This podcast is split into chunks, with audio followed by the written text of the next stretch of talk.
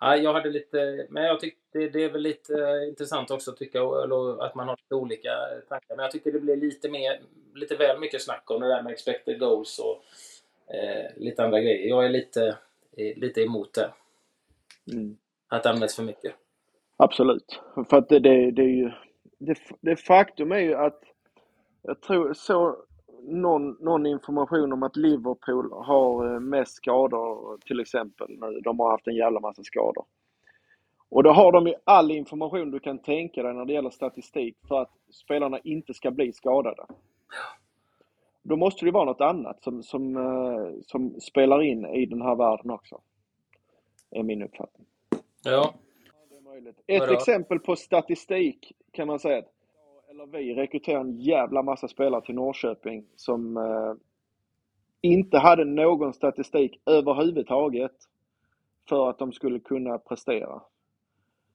Och det är ju de spelarna som sen kan prestera också. Det är ju de spelarna du kan nå. Så att du kan inte vara blind på statistik. Ja, man har gjort 10 mål varje år. Ja, men då går han inte till Norrköping eller Elfsborg eller...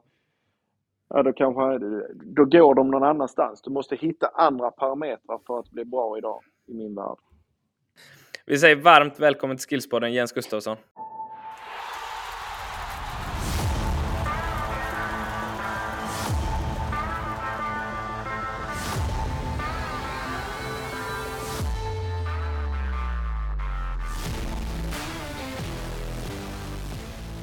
Tack så du ha.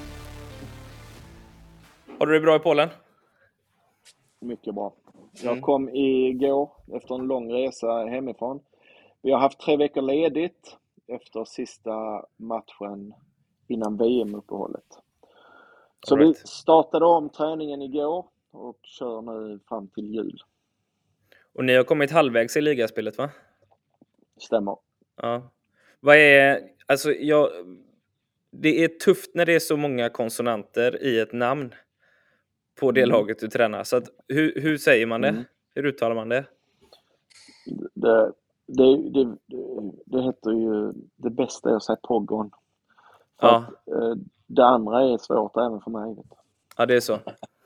Ja. Vi nöjer oss där. Ola som ja. hjälper oss att bjuda in gäster till, till den här podden sa att det var Stettin på svenska. Ja, det heter det på svenska. Det är lätt, men, mm. men uh, det är svårt att springa runt här när man är i Polen och säga det på svenska. Det är inte ja, den är tuff. Ja, den är tuff. Så, ja, Ja, men hur, okay. är hur är reaktionerna i Polen efter eh, VM då? Är de nöjda eller missnöjda ja, eller blandat eller? Det är ganska intressant utifrån hur vi börjar kan man säga. För att här är det ju... Eh, de har ju gått längre. De gick till åttondelsfinal. Det har de inte gjort på 30 år. Något sånt här. Eh, och i Polen är man ju... Det är ju lite delat för att det är ju alla, alla är ju nöjda med att man har gått långt i VM. Men fotbollsmänniskorna i Polen tycker ju att de spelar så jäkla dålig fotboll så att de är otroligt missnöjda med att de gick till åttondelsfinal med den fotbollen som de, mm. de presterade. Så att det, det, är ju, sen finns det andra saker nu som, som pågår kring förbundskapten och bonusar och eh, även premiärminister och Lewandowski och sådär som, liksom svartar ner en del. Men, men i det stora hela så, så kan man säga att det är otroligt delade uppfattningar om det här var bra eller dåligt. Och hur man ska gå vidare framförallt. Ja. Det right. finns de som tycker att det var bättre att förlora de tre matcherna som man spelade i gruppspelet och åtminstone hade försökt göra någonting, ta initiativ själv, än att man inte gjorde det och gick vidare. Så det är olika. Ja. Men där är, är, det, är, det, är det vanligt i Polen att man är stolt över att man ska spela en, en bra underhållande fotboll, utvecklande fotboll, hellre än att få kortsiktiga resultat? Mm, svårt att säga. Jag har väl lärt känna människorna som, där, där, man generellt sett, det här kanske blir, det är en anekdot, men man ser på glaset som halvtomt istället för halvfyllt jämt och ständigt. Man har en liten negativ approach oavsett hur saker och ting blir. Eh, generellt vill jag säga, inte alla, men, men generellt så är det så. Eh, men men eh, jag, jag tror att man, man hellre vill se en bättre fotboll. Mm. Generellt. Mm. det där är ju också, det vänder man kappan efter vinden lite grann. Mm. Jämför när jag själv spelade i England så var de, Southampton var ju kända för att, att lira med Letizier som var Mm. Som spelade sista säsong när jag spelade min första. Det var ju liksom, vi förlorar mm. hellre med 4-3 än att vinna med 1-0 mm. och spela tråkigt och sådär. Sen, mm. sen kom Gordon Strachan in och spelade ganska strikt 4-4-2, hårt jobbande liksom. Gärna tidiga bollar upp in bakom eller upp på forward. Och man kom åtta i, i Premier League och gick till fa Cup-final och då var alla jävligt nöjda med, med hur, hur mm. det var. Och det var ju inte att spela någon bländande teknisk fotboll direkt. Mm. Så att man vänder ju ofta... Ja, så är det. Det, det, som, det som kanske är, är, lite mer kritiserat här det är att Lewandowski spelar i Polen och Zelinski. Ganska bra offensiva spelare, det finns fler. Som bara fick eh, i stort sett täcka ytor i, i fyra matcher. Det, det, det, anser väl människor här att man borde kunna göra mer eh, offensivt sett med den, den typen av individuella kvaliteter i laget. Men jag vet Mm. Nej, nej, det, det är svårt. Det är svårt. Mm. Du, eh, för de som inte vet, eh, du är ju för detta fotbollsspelare och idag eh, tränare. Eh, jag tror att de flesta har bra koll mm. på dig. Eh, efter din tid i mm. framförallt Norrköping får man väl säga. Men mm. det är ju jäkligt intressant att jämföra svensk fotboll med övrig utländsk fotboll, tycker vi för att se hur vi står oss, vad vi ligger och vad vi kan mm. göra bättre och mm. vad vi gör bra och så vidare. Men vi, vi, jag vill mm. börja med att kolla av. Ni ligger fyra i, i serien just nu. Mm. Vad är förväntningarna på klubben? Ja, topp fem skulle jag säga. Mm. är väl eh, bra om vi, om vi landar.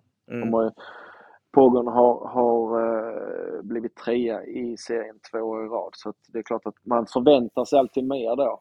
Mm. Eh, men, men det, det, finns några lag som har eh, lite, lite mer ekonomiska muskler som, som använder dem också på ett kortsiktigare sätt än vad vi klarar av att göra. Så att vi, behöver, vi behöver konkurrera på ett annorlunda sätt vilket gör att man kanske inte kan vara i yttersta toppen jämt och ständigt för det går lite upp och ner med, med spelare, egna spelare och unga spelare och sådär. Men, men äh, äh, det är klart att förväntningarna höjs hela tiden. Mm.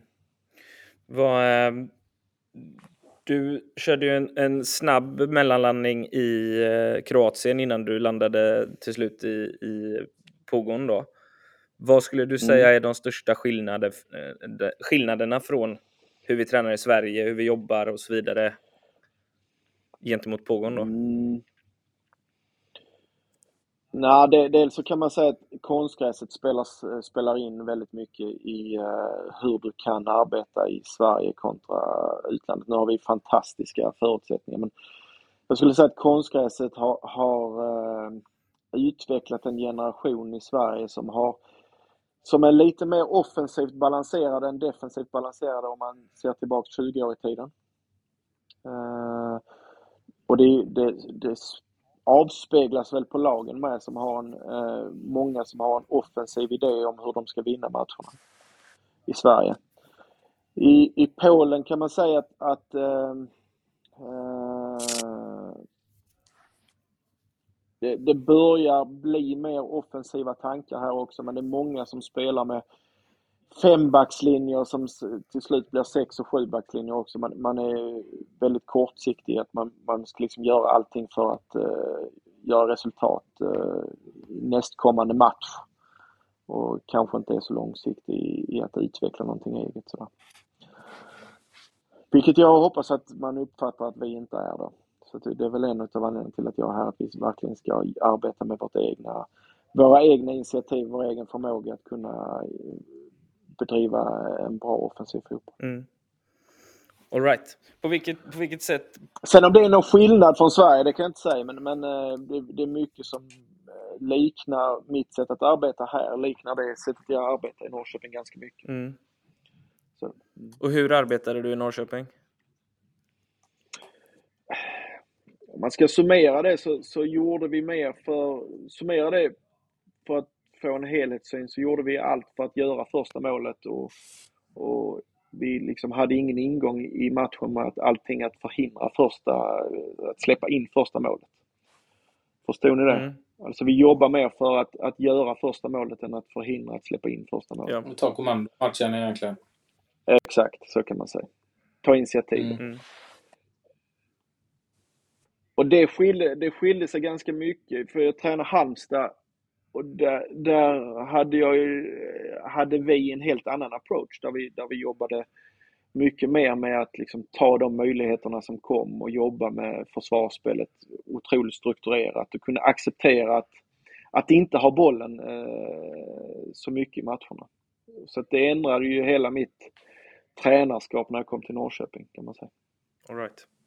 Vad står, vad din filosofi är mer, mer Norrköping, den, är det så du vill helst jobba? Nej, jag skulle säga att, att eh, jag, kan inte, jag kan inte tro på något annat just idag. Det, och det handlar inte bara om mig, det handlar om, om, det, om jag går tillbaka till hur spelarna är fostrade idag. Alltså det, eh, de allra flesta spelarna är fostrade med att eh, vara ganska trygga med bollen eh, och, och se till så att man har den så mycket som möjligt. Om du har bollen så mycket som möjligt så har du också möjlighet att påverka matchbilden mer, är min uppfattning. Så det handlar inte bara om mig, det handlar om den generationen av spelare som, som eh, vi har fostrat i, i Sverige idag. Och de som kommer upp eh, i Polen också för den delen. Mm. Hur ser det ut på talangutvecklingen i Polen? Unga spelare, används det mycket unga spelare? Släpper man fram dem? Och hur står de sig, de unga eh, spelarna i Polen? Eh, något som man troligtvis inte är medveten om i Sverige, det är ett extra klass som, som motsvarigheten till Allsvenskan heter i Polen. Där måste du ha en spelare som är under 21 år 90 minuter varje match. Okay. Så att man har från förbundets sida gått in och satt ett reglemente på att du behöver spela med en spelare som är under 21 år 90 minuter varje match. Som är eh, homegrown? Du kan välja... Eller? eller kan det vara en köpt Exakt. också? Nej, Nej home, home, ja. Och det kan, det, det, du kan skita i den regeln, men då måste du betala en ganska saftig böteslapp eh, efter säsongens slut, alltså upp mot jävligt mycket pengar. Så det, det är väl en sån eh, sak som styr eh, hur du behöver arbeta med spelarna i akademin i alla klubbar, skulle jag säga. Eh, sen, sen, finns det ju också, till exempel vår klubb är eh, beroende av att sälja spelare och då vet man ju att för att sälja spelare så behöver du, så är det bra om de är ganska unga. Så att då gäller det att du, du gör dem så bra som möjligt, så tidigt som möjligt i deras karriär. För att då blir köpeskillingen oftast mer. Så på det sättet så drivs Pogon ganska likt eh, hur Norrköping drevs eh, när jag var där. Mm. Mm. Eh, hur eh, de unga spelarna ska jag säga, hur, hur de står sig skulle jag... Mm. Eh, det, jag skulle säga att det liknar Sverige. Det, det, det, är olika nivåer och, och eh, det, det, som är gemensamt är att eh, de behöver mycket vägledning. Det behöver alla fotbollsspelare. Eh, vägledning, kärlek, Eh, det är väl det som är den stora grejen. Vad lyfter, man fram, vad, lyfter man fram några specifika egenskaper i Polen hos talangerna eller vad, vad, riktar man sig in på något speciellt?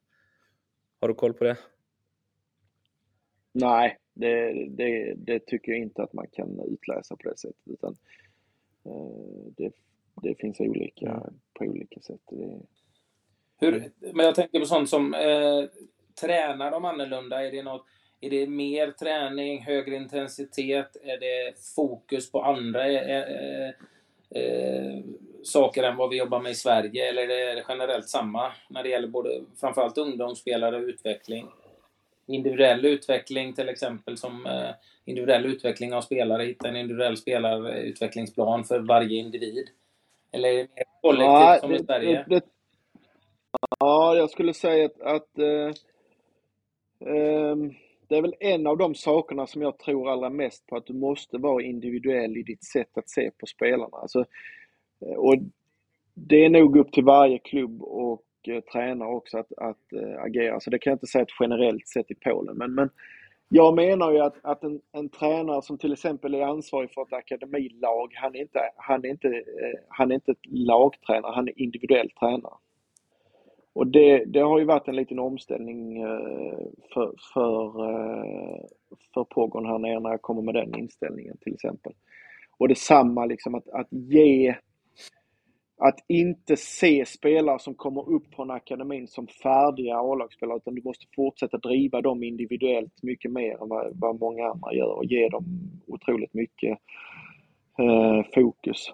Om du inte spelar i A-laget, om du spelar 10 minuter i A-laget på söndag så kan du fortfarande spela i det som vi här kallar Pogon 2, alltså kallade U21-laget, på lördag 90 minuter. Det är inga problem, du kan spela 10 minuter på söndagen ändå. Och det, det skiljer sig ganska mycket från det som har varit tidigare där man är liksom mer kollektiv i, i, eh, i tänkandet. Mm.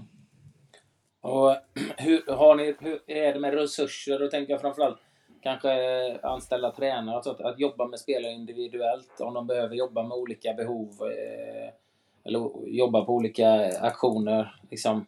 Eh, ha, finns det resurser där? För det är väl ett problem i Sverige just det här med som vi diskuterar med individuell utveckling att det sker ganska sällan för det finns inte de, de resurserna i Sverige liksom att eh, kunna ta undan eh, en handfull spelare varje träning eller några träningar då och jobba med mm. deras individuella utveckling. Nej, det är inga problem. Jag skulle säga att det skiljer sig ganska markant både i Kroatien och Polen. För att, eh, och det har ju säkert med ekonomi att göra för att det, det är inte sådana stora, vad ska jag säga, lönebilder på de posterna i, i utlandet. Så att du, du kan, jag ansvarar för en stab som är runt 30 personer. Inte bara fotbollsmässigt utan övrigt med. Så det finns, till numerär så finns det definitivt eh, förutsättningar för att göra bra saker individuellt sett också. De här 30 personerna, är det, är det för huvudtruppen? Ja. Kände du att det var ett problem när du jobbade i Sverige med, med, med det här med individuell utveckling och att inte kunna bryta ner och ha tid att jobba med eh, spelarna individuellt? Nej, det kan jag inte säga. Jag skulle säga att det handlar mer om prioritering och, och inte vara så, så orolig för, för nästkommande match. Att, att se att den här spelaren kanske kommer att komma in sista 10 minuterna, men om han, om han tränar två sista 10 minuterna på söndag, men han kan träna två pass på fredagen mm. ändå. Det är inga problem, alltså det, han blir bara bättre utav det. Att, att du, du, du kan inte vara så upptagen utav nästa match så att det skadar eh, spelares eh, karriärer. Ja, jag är med helt på vad du menar och vi pratar ju om det. Vi har ju pratat med lite andra i den här podden också där bland annat lite fotbollsföräldrar där vi hade en ung spelare som väldigt ung och eh, då hade du inte den lyxen att eh, då var det fredagen, eh, dagen innan A-laget spelade, eh, en ganska lugn träning, förberedande träning, sitter på bänken. Den här killen är, är, är, är ung, skulle egentligen spela med U19-laget som spelade samma dag som A-laget. Slutar med att han missar den matchen, sitter på bänken i A-laget, spelar ingenting. Eh, söndagen är ledigt, måndagen är återhämtningsträning. Han har alltså fyra, fyra dagar där utan någon direkt belastning. Liksom. Mm. Och då finns inte resursen att komma in och ta in honom på söndagen, den lediga dagen till exempel. Eller köra ett eget individuellt pass på måndagen för att få upp belastningen. Och, eh, um, och alltså, eh, det är ju precis detta jag menar, att vi är ju alldeles för, vi är för upptagna utav nästa match och vi är för oroliga för att spelarna kan bli slitna. Alltså, de kan träna så mycket mer än, än vad, vad, vi, eh, vad vi ger dem, generellt sett. Det är nummer ett. Sen, sen är det ju, att lägga allt det ansvaret på tränarna, det är helt åt helvete också skulle jag säga. För att tränarna mäts för nästa match och liksom förlorar du den så kan du få kicken. Så att det är ju mer en Eh, du, du behöver nog, eh, det är ett större perspektiv man behöver se på detta, men, men du behöver också, eh, så som jag ser på tränarruljangsen i Sverige till exempel, den är mycket, mycket, mycket större än vad den är i utlandet idag. Mm. Och det, där tror vi att ja, men i, i utlandet så är det mycket värre nu än i Sverige. Fuck off, det är inte alls det. Alltså i Sverige är det helt... Eh, så att jag förstår varenda tränare som, som liksom har fokus på nästa match och skiter fullständigt i den här 17-åringen som kanske borde träna för att när, när han är redo för att spela med A-laget så är inte jag här ändå. Så det, det är en, det, det, är en alldeles för enkel ekvation att lägga allt ansvar på tränaren. Men man behöver nog vara noga med att ha eh, tränare som, som ser till den långsiktiga delen eh, anställda i, i eh, staberna. För att den långsiktiga tanken är den som är bäst för klubben. Det är min uppfattning. Ja, jag, håller med dig, jag håller med dig i allt där. Och jag fattar ju också det med tränar, tränarens fråga som du säger. Den tänker ju kortsiktigt. Man vill ju ha en tränare som tänker långsiktigt. Men det är ju svårt mm. som tränare om man vet att man eh, kan ryka om man förlorar för många matcher. Och det är svårt att tänka långsiktigt. Mm. Um, så att jag tycker ju det är mer ett större perspektiv, som du säger, än bara, mm. än bara, än bara tränaren såklart. Eh, sen är jag ju helt inne på mm. det du säger också. Det har vi också pratat mycket om att vi är väldigt, väldigt oroliga för belastning eh, och ha kontroll eh, mm. på att alla spelarna är mm. liksom redo. Jag tycker ju jag tycker det är märkligt att vi pratar om att i Sverige är oroliga att vi tränar för mycket. Jag tycker att det är långt, det är långt, ifrån, långt ifrån nära att träna för mycket.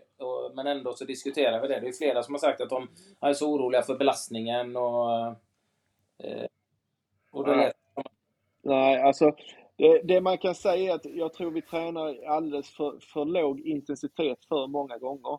Alltså träna i hög intensitet kortare, men, men träna jävligt mycket. Det, alltså, det vore märkligt om fotboll är den enda sporten där du ska träna mindre och bli bättre. När alla andra sporter, du behöver träna det mer än för att ja, bli bättre. Och det är väl också någonting som vi har pratat om, intensiteten också. Att våga ha och se till att ha hög intensitet.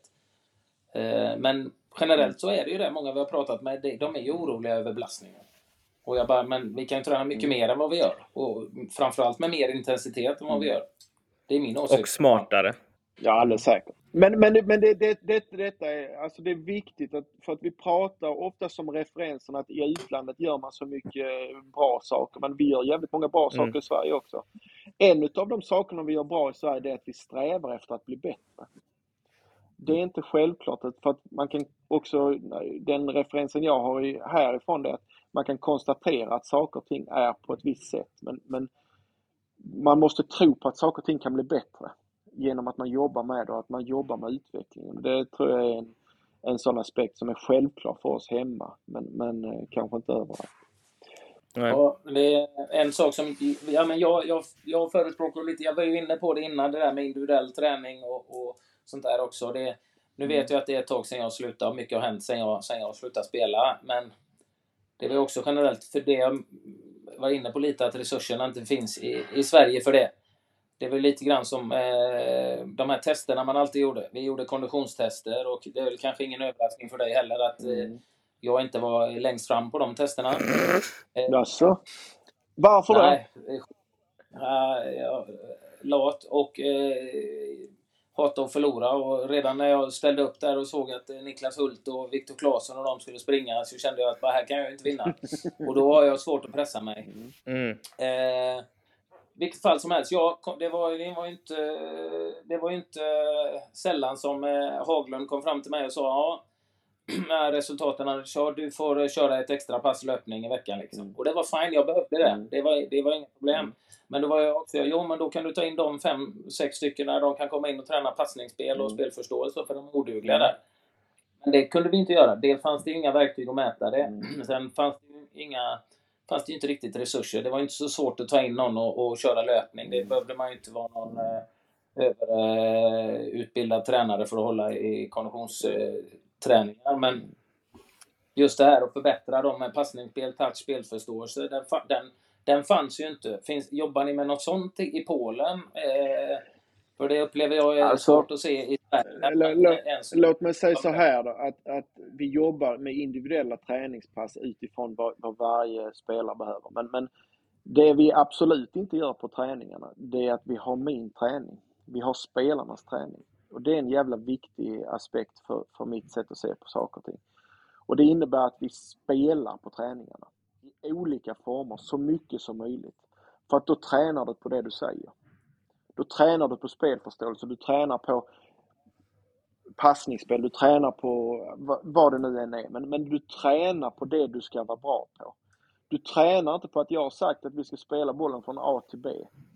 Träna på att göra de sakerna, fatta beslut i spelsituationer så mycket som någonsin är möjligt. Så ofta som möjligt och i så högt tempo som någonsin är möjligt. Det, det, där tror jag vi går bet ibland när vi är alltför taktiska i vårt tränarskap. Att vi tror att min tanke om hur vi ska vinna nästa match, den är så fantastisk så den kommer göra att vi vinner nästa match. Glöm det. Den tiden är förbi. Träningsmiljön kommer att vara mycket viktigare än den taktiska detaljen, ingången i nästa match. Intressant. Nej, men jag tror ju också mycket, det, det, men det är ju så du tränar upp spelförståelse. Det är därför jag nu som tränar eh, ungdomar, att liksom mycket med spel, spontanspel framförallt, liksom älskar jag när de spelar borta på fotbollsplan. För smålagsspelare utsätts för många situationer. Det är absolut bästa sättet att träna upp eh, spelförståelse, att hitta lösningar, att klara av det i ett högre tempo om det blir högre intensitet hitta lösningar eh, på, på, olika problem som du ställs för, eh, som du kommer ställas för i matcher och så vidare. Så att, eh, jag är också helt med dig på mycket spel såklart. Mm. Sen, finns, sen finns det ju fortfarande, tycker jag, eh, saker som man kan jobba med, med individuellt eh, med olika spelare liksom och eh, som vi skulle kunna göra än, ännu mer och träna mer i Sverige och lägga in individuell träning, precis som du lägger in styrketräning eller konditionsträning mm. individuellt så finns det många andra bitar, mm. tekniska bitar som man skulle kunna lägga in individuellt också och, mm. och utveckla spelarna i, i, detalj. För det är ju svårt att bryta ner i detalj på spelare om du har 25 spelare ha hand om. Liksom kan ju jobba med två, tre spelare individuellt i olika moment som de behöver jobba på så det är ganska lätt, mycket lättare för mig att ge tydliga instruktioner och också bryta ner och se vad, vad problemet är. Ja, men exakt så är det. Och det, det, det, gör vi väldigt mycket. Det och relationsträning kan man säga. Så relationer med eh, hur ska vi komma till avslut kan man säga. Hur, hur, om ni ser VM nu så ser ni hur svårt det är att skapa målchanser när lagen står med 10 spelare utanför eget straffområde.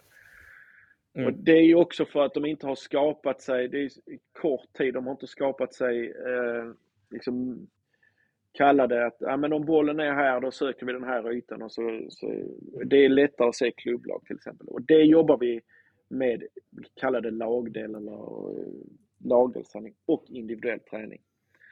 Det viktiga med individuell träning, är min uppfattning, att den inte sker efter den kollektiva träningen utan den bryts ut på, en, på ett, ett eget isolerat träningspass. Så att man inte bara för att städa av den individuella träningen så, ja vi gör 15-20 minuter här efter den, den, den träningen som vi hade här nu klockan 10. Utan den måste ske isolerat. Eh, för att det ska bli kvalitet. Mm. Så, men mm. skulle du säga att vi i Sverige hade klarat av spelare från kanske ja, men säg 14-15 års ålder upp till allsvensk nivå eh, klarat av ett individuellt pass i veckan plus sin ordinarie lagträning? Ett. Exakt. Vad bra svar. Mm. Nej, men det, det, där, det, det, där är helt, det, det, det har blivit helt skevt. Alltså, så länge, mm. du, du behöver inte träna i en halvtimme. Du kan träna 30 minuter, 40 minuter och så gör du det bra istället. Men, mm. men det har ju också varit en tid när det har varit fotbollsspelare som har tränat 12 pass, skolpass, och de har tränat med spelare från olika klubbar på olika nivåer så går de ut och tränar på morgonen mellan 10 och halv 12 och sen ska de träna på eftermiddagen. Så att när du summerar en vecka så har de tränat 12 pass. Varav 6 pass har inte gett dem ett piss för att de har, de har tränat med liksom, på, för, de har tränat på att vara dåliga kan man säga. Så mm. på det sättet så, det är inte mängden träning jag är ute efter men jag kan säga att alla klarar att träna mer. Mm. Men du behöver ha kvalitet och intensitet i de träningarna och de behöver vara instruktiva också och lärande. Det är bättre att köra åtta riktiga kvalitetspass än tolv mediokra pass. Ja, absolut.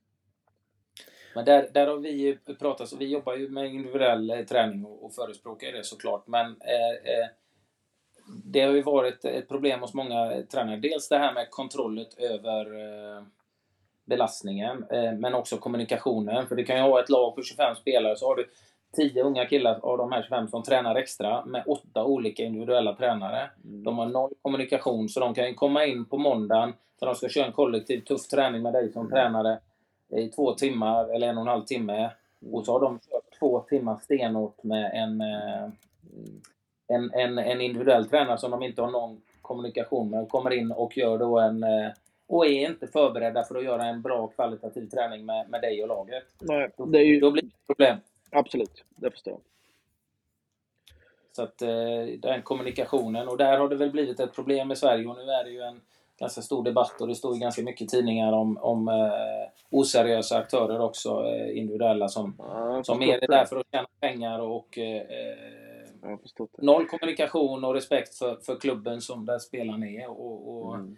Eh, det är ju det, någonting som vi förespråkar, liksom att, eh, att kunna jobba. Och det behöver inte vara två timmar, att man ska hålla igång för att få eh, mer betalt som individuell aktör, utan det handlar om att göra någonting i kvalitet som mm. är bra för spelarna. Det kan vara halvtimme, 40 minuters träning. Mm.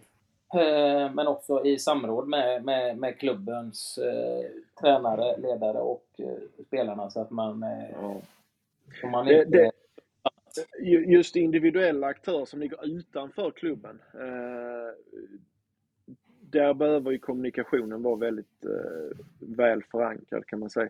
Det är ju en sak som eh, jag har erfarit både i Polen och i Kroatien att nästan alla spelare har en individuell coach på något sätt. I Polen mest fys, men i Kroatien var det mycket eh, individuell fotbollscoach också. Vilket man, man eh, inte har varit självklart i, i Sverige. Som, som jobbar eh, med, med spelarna utanför eh, klubben då alltså? Ja, ja. Mm. Väldigt vanligt. Hur har du sett på det samarbetet mellan klubben och, och den typen av tränare? Har det funkat eller har det varit stökigt? Nej, jag, jag skulle säga att um, det är så väl vedertaget så det blir, det blir sällan en diskussion. Uh, I Polen är det uh, jag, jag, I Polen är det bara fysmässigt som jag har sett det och det, det, det har fungerat alldeles klockrent. Mm. Nu var jag inte så länge i Kroatien så jag ska inte säga för mycket om det där men, men uh, det, det, det, det var sällan några bekymmer. Mm det är en form av prestige också, kontroll, men det är väl inte, jag har inte tyckt att det var några större eh, bekymmer. Och det, det, det, det är en sån sak som du bara behöver anpassa, dig, anpassa dig till, att så här är det här, så att det bara acceptera det och köra på. Det är intressant att du nämner just det med prestigen, tycker jag. För att nu är ju du tränare och vi vet ju att mm. Eller vi vet att, men känslan är ju att många tränare här runt omkring i alla fall har en prestige i att man klarar av allting själv. Men mm. vi ser ju på fotboll som den typen av idrott det är, alltså en lagsport, vilket innebär att vi tycker att många kan hjälpa till och man kan ta hjälp av varandra hela tiden. Men du mm. känner ingen prestige i att folk går och hjälper dig och dina spelare med fysträning? Ser du det som att du får bättre spelare istället? Ja, alltså det, det, det viktiga är ju inte vem som hjälper utan att vi hjälper.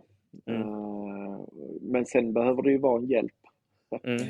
det, det, får inte, det får ju det får ju vara någonting som, som faktiskt hjälper spelarna mm. att bli bättre. För det är ju därför vi finns. Mm. Eh, sen, sen, eh, och det är ju det viktiga i sammanhanget att, att, att vi hjälper spelarna att bli bättre. Mm. Precis, och det är ju det som är problemet. Om det är någon som gör någon träning som inte hjälper, då har vi ju ett problem. Men, eh, ja, exakt.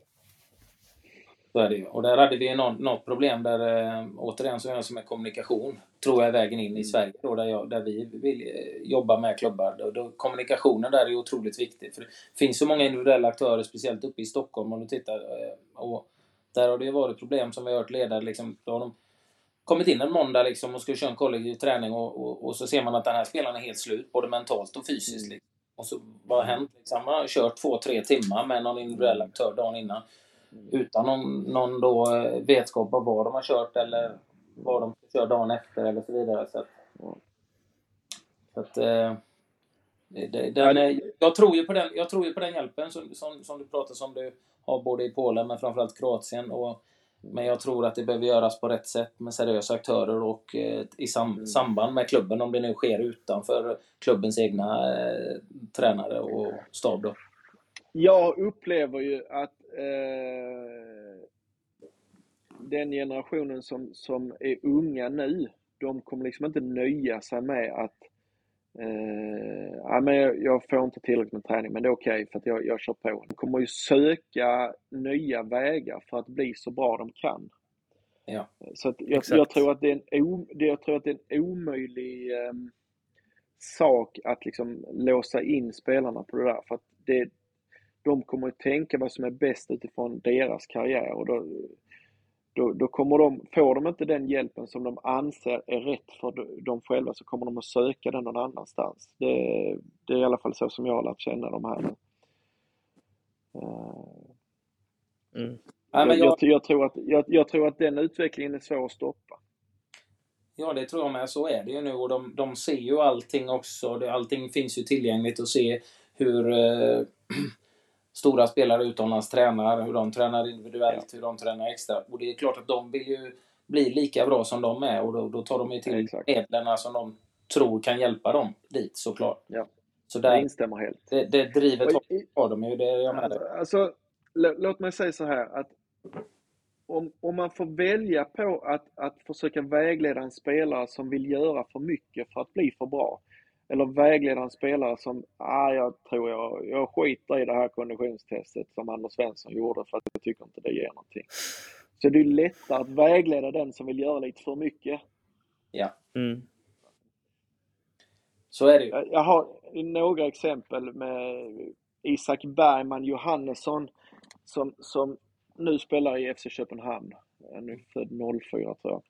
Han är kanske den spelaren som är den mest dedikerad som jag har arbetat med någonsin. Och han, han, han var beredd att göra precis allting som, som eh, vi gav honom och han kände själv skulle göra honom bättre. Och då har det varit viktigare att berätta för honom att imorgon är vi lediga och då är du också ledig. Alltså för att han hade aldrig en enda ledig dag någonsin. Eh, så det, det har ju kommit in som en utmaning med den här eh, otroligt ambitiösa spelargenerationen som kommer att, att liksom, när vi är lediga så är vi lediga, men om vi tränar så kan du träna ett pass till, det gör ingenting. Men den dagen vi är lediga behöver du också vara ledig. Så att du inte lägger in den här typen utav extra träning på lediga dagar, utan extra träning ska faktiskt ske när, när, vi, när vi har verksamhet också, för att den lediga dagen är så viktig för att du ska vara, bli så bra du kan. Förstår ni det? Ja, jag förstår precis vad du menar, men du, är också, du kommer in på det, det är ju lättare kanske lättare att hantera någon som har det drivet och den viljan än någon som, som inte vill eh, träna såklart. Ja. Då, men då kan du leda in den på rätt och förklara liksom, självklart. Absolut. Men eh, Absolut. Så att jag förstår precis vad du menar. Mm. Och håller med. Mm. Eh, bra gubbar. Eh, jag, jag, innan vi går in på, jag tror att detta kan bli ett av de sista avsnitten som du eh, har din stående eh, fråga Anders. Den ska vi, jag och Ola har pratat lite om den och den kanske vi eh, inte skrota, men vi kanske hotar upp den lite till eh, lite ja. längre fram. Jag men det. jag är lite intresserad av det här. Vi har pratat med, vi pratade ganska nyligen med, med Tobbe Hussein som var inne på det här med konstgräs och naturgräs. Jag vill bara mm. bumpa tillbaka lite till den och fråga eh, vad du anser om det här med att du sa att spelare blir mer offensivt lagda, eller? På konstgräs, om du har tränat på konstgräs. Nej, du har ju möjlighet att jobba med, med ditt offen, din offensiva del mycket mer på ett konstgräs än vad du har på ett naturgräs. Om du går ut på naturgräs nu och ska jobba med ett passningsspel eller du går ut på ett konstgräs så kan du ju fundera på om du har någon kvalitet i den passningsövningen just nu. Mm. På vanligt gräs kontra eh, konstgräs.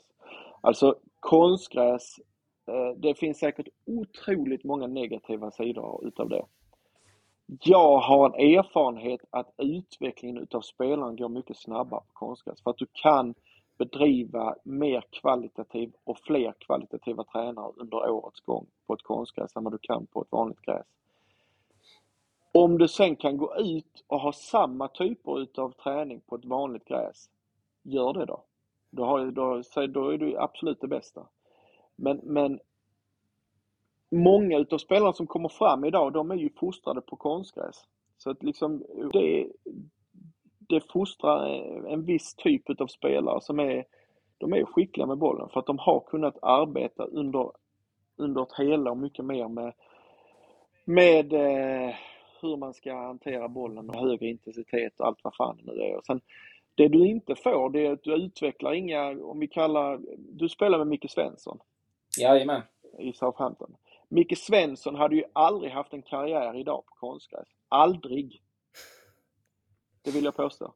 Han är helt fantastisk. Jag hade honom i Halmstad när han hade slutat och han började jobba på. Men liksom den spelartypen får mycket svårare att ta sig fram idag. Mm. Eh, för att den spelartypen premieras inte på samma sätt på, eh, sen, från ung ålder och framåt på ett konstgräs än vad det gör på ett vanligt gräs. Men då måste man ju se fördelar med de andra spelarna som har fostrats, i min uppfattning. Mm. Intressant. Det är lite preaching to the choir här, eller? Ja, men det, det som är intressant, som inte jag visste när vi pratade med en, en, en, en annan i en tidigare podd, är att Barcelona spelar på konstgräs, vad var det, upp till 15 års ålder? Spelar alla ungdomslag? 16 till och med tror jag. Mm. Mm. 16. Det hade, jag, det hade jag ingen aning för man pratar ju ofta om att vi kommer inte närmare utom, utomlands. Har de gräs, där har de alltid det. Och så pratar vi om ett av de spelskickligaste, tekniskaste lagen och som jobbar på konstgräs upp till 16 års ålder. Alltså, då, ska, då, då får jag väl säga en sak. Släng allting med förutsättningar käpprätt åt helvete. Att det är det som gör att vissa är bättre än oss och andra inte. Alltså, det kommer alltid finnas någon som har en bättre gräsplan. Det kommer alltid finnas någon som har mer pengar. Det kommer alltid finnas någon som har snyggare kläder. Det handlar inte om det. Glöm det. Så det, det är liksom, det är som att, att köra huvudet rätt in i väggen och säga att Nej, men de har bättre förutsättningar så de får fan bättre spelare. Det är bara att ta bort ansvaret för dig själv som tränare, ingenting annat. Det tror fan det finns de som har bättre förutsättningar, men du är ansvarig för de förutsättningar som du har nu. Att göra det bästa du kan för att spelarna ska bli så bra som möjligt och vinna så många matcher som möjligt. Mm. Bra jävla snack tycker jag. Vill du att du tittar nu? Vill du att jag ska ställa min fråga nu eller Jens? Vad är det för jävla... Ja, men jag tycker lite, alltså... Aggressiv tycker jag, men... Eh- jag tycker att det jag skulle säga att det är noll odds på vilket typ av svar vi kommer få på den frågan.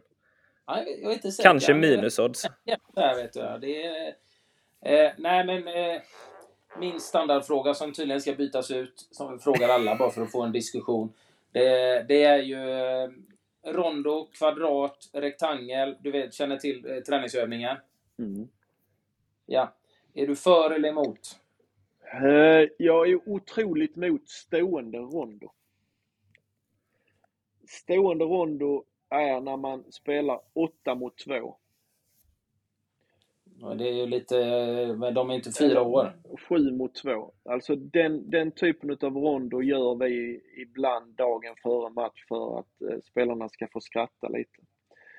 Det, det, man ska ha klart för sig i den typen av eh, av kontext är att du tränar ett beteende som vi inte vill att spelarna ska spela i. Vi vill ju inte att spelarna ska stå still och bara passa bollen en centimeter. Vi vill ju att spelarna ska vara aktiva, rörliga, flytta bollen och så vidare. Så att, eh, I den kontexten så handlar det ju mer om att bygga den typen av övningar så att den blir så lik de beteenden vi vill ha på planen som någonsin är möjligt. Inget riktigt rakt svar, men jag, jag hör dig. Och, men, Nej, men det är ett men jävla för... bra svar. Ja, det, det, det, det, behöver vi inte vara överens om. Men jag är med dig. Och det är därför, för det finns ju lite som vi kom in, var det, jag tror det var Hussein i det fallet, som säger kvadde. Och för mig är kvadde det som du beskriver. Och det kan vara roligt som du slänger in då och då för att få garva lite. Men då är det ingen fotbollsövning, då är det en social övning. Mer. För, för när jag slänger in den så är det ju då, då kör jag ju ofta lite större yta, gärna en rektangel, mm. och spelar i mitten så att du inte blir statiska utan att du jobbar med rörelse. Du jobbar med, ska du lära dig, när du tittar upp, du har kommunikation. Mm. När ska du spela på ett, när ska du spela på två tillslag för att locka in? Spela, flytta, mm. flytta det efter att du har spelat en boll för att göra det spelbar igen. Tar du dem försvarande, du kan sätta upp småmål vid sidan, två stycken. Så att när de vinner så ska de försöka sätta, inte bara rensa bollen ur kvadraten eller rektangeln, utan sätta en passning in i målen. Du får jobba med återövning.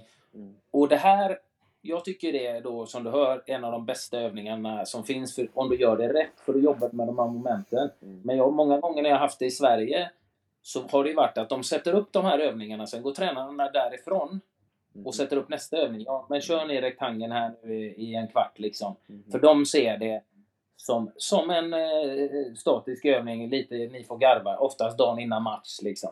Mm. Och för mig är det jättebra om det görs på rätt sätt, men då har du en seriös grupp den andra gruppen som vi hade där det var tidiga 80-talister som dig själv Jens, som i, gjorde allt de kunde för att bara göra så många tunnlar som möjligt. Mm. Och då blir det ju för mig ingen riktig fotboll. Det blir precis nej, som du säger. Jag tycker också att det ska vara moment som du har nytta av i spelet. Mm. Och står du still och bara rullar runt och försöker slå tunnlar så blir det ju inget, eh, då är det ju något helt annat. Mm. Är du med vad jag menar? absolut, absolut. Men vi, vi, vi har samma uppfattning där. Ja, men jag känner det. Vi, vi är överens och, och jag tycker också, görs den fel, ja men då är det ju bara en social grej. Liksom. Men det, gör du den rätt och det finns olika sätt med rörelse kommunikation. När ska du möta? När, hur ska du kunna göra dig spelbar? Spela och gå och inte stå statiska. Men också det här med att använda spelbredd. Alla kan inte gå mot bollen. De måste dra undan för att skapa en yta så du kan vända på spel. Det finns rätt många moment, men eh, jag skulle ju som tränare definitivt övervaka den och liksom eller övervaka den, men leda den övningen istället. Och det upplevde jag många gånger i Sverige. Liksom Lasse Lagerbäck till exempel hatade ju kvadraten eller eh, den här. Varje gång vi tappade bollen med kortpassningar i en match då skällde han ju ut fysiolog Paul Bålsam och sa det är bara för att vi kör de här jävla eh, rondoövningarna. Är småspel, småpassningar.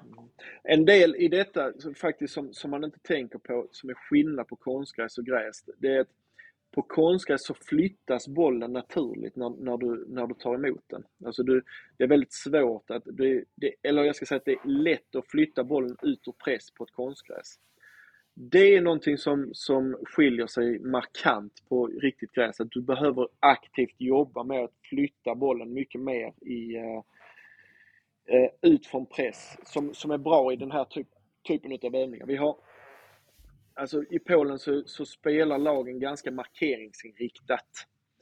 Eh, och, eh, och, som jag sa spelar de mycket med wingbacks, alltså fembackslinje. då, då blir oftast den spelaren som, som blir första spelaren att, att kunna ta sig ur den pressen är ytterbackarna. Vi spelar alltid med fyrbackslinje. Och de måste vara skickliga på att flytta bollen, annars blir man helt uppkäkad i pressen. Till exempel. Så det jobbar vi otroligt mycket individuellt med dem. Att, flytta bollen på ett sätt som du inte behöver göra i Sverige för där kan du lätt flytta bollen som ytterback bara rätt in i plan så är du ifrån. Men det är inte samma... Det blir mycket svårare här. Och då är den typen av övningar väldigt... Du hamnar i den typen av situationer ofta att du måste flytta bollen. Måste flytta bollen för att hitta nya passningsvinklar till exempel. Mm. Har ni inga konstgräs i Polen alls? Eh, jo. Nej, nej, nej, nej, nej, inte se. Inte se. Ja. Det är ingen som spelar på konstgräs där alls? Nej, nej. Ja. Är det bra planer då? Då? Är det bra gräsplaner eller är det en medioker svensk gräsplan eller är det alltid? Nej, det, det är olika. Vi, de flesta, eller alla har hybridplaner så att de är, de är... Vi har varit på någon som vi har tyckt var dålig, men de flesta är ganska bra. Sen tror jag att vi, vi står inför en tid där de kanske inte kommer vara lika bra nu i februari-mars, men Nej. vi får väl se. Ja. Mm. Mm. Grymt gubbar. Eh, programtiden är slut. Anders, jag tyckte du skötte det exemplariskt idag. Inga överdrivet långa frågor. Nej, men jag tyckte det var intressant idag också. Jag gillar Extremt ju, intressant. När någon är, ja, men jag, är, jag är prestigelös. Jag, jag står inte här och säger att jag kan allting. Och Jens har ju tränat på hög nivå. Jag tycker det är intressant att höra andras tankar. För det får ju mig att tänka ett varv till. Liksom. Mm. Eh, så jag tyckte det var eh, intressant. Jag är jättetacksam att du tog dig tid att köta lite skit med oss Jens. Det uppskattar Tack själv. Verkligen. Tack själv verkligen. Önskar dig all, all, all lycka till här nu eh, i fortsättningen i, i Tack så hjärtligt. Hoppas att det fortsätter gå bra. Och, eh, Knip topp fyra i alla fall så att det blir lite Europa-lir. Ja, rätt. Det ska vi försöka. Ja. Det är bra. Ja, Ta hand om er. Eh, ring till Ola. Du, detsamma. Det ska jag göra. Ha det bra. Ha det gott Jens. Hej, hej, hej. Ha det bra. Hej. Ciao. Hej.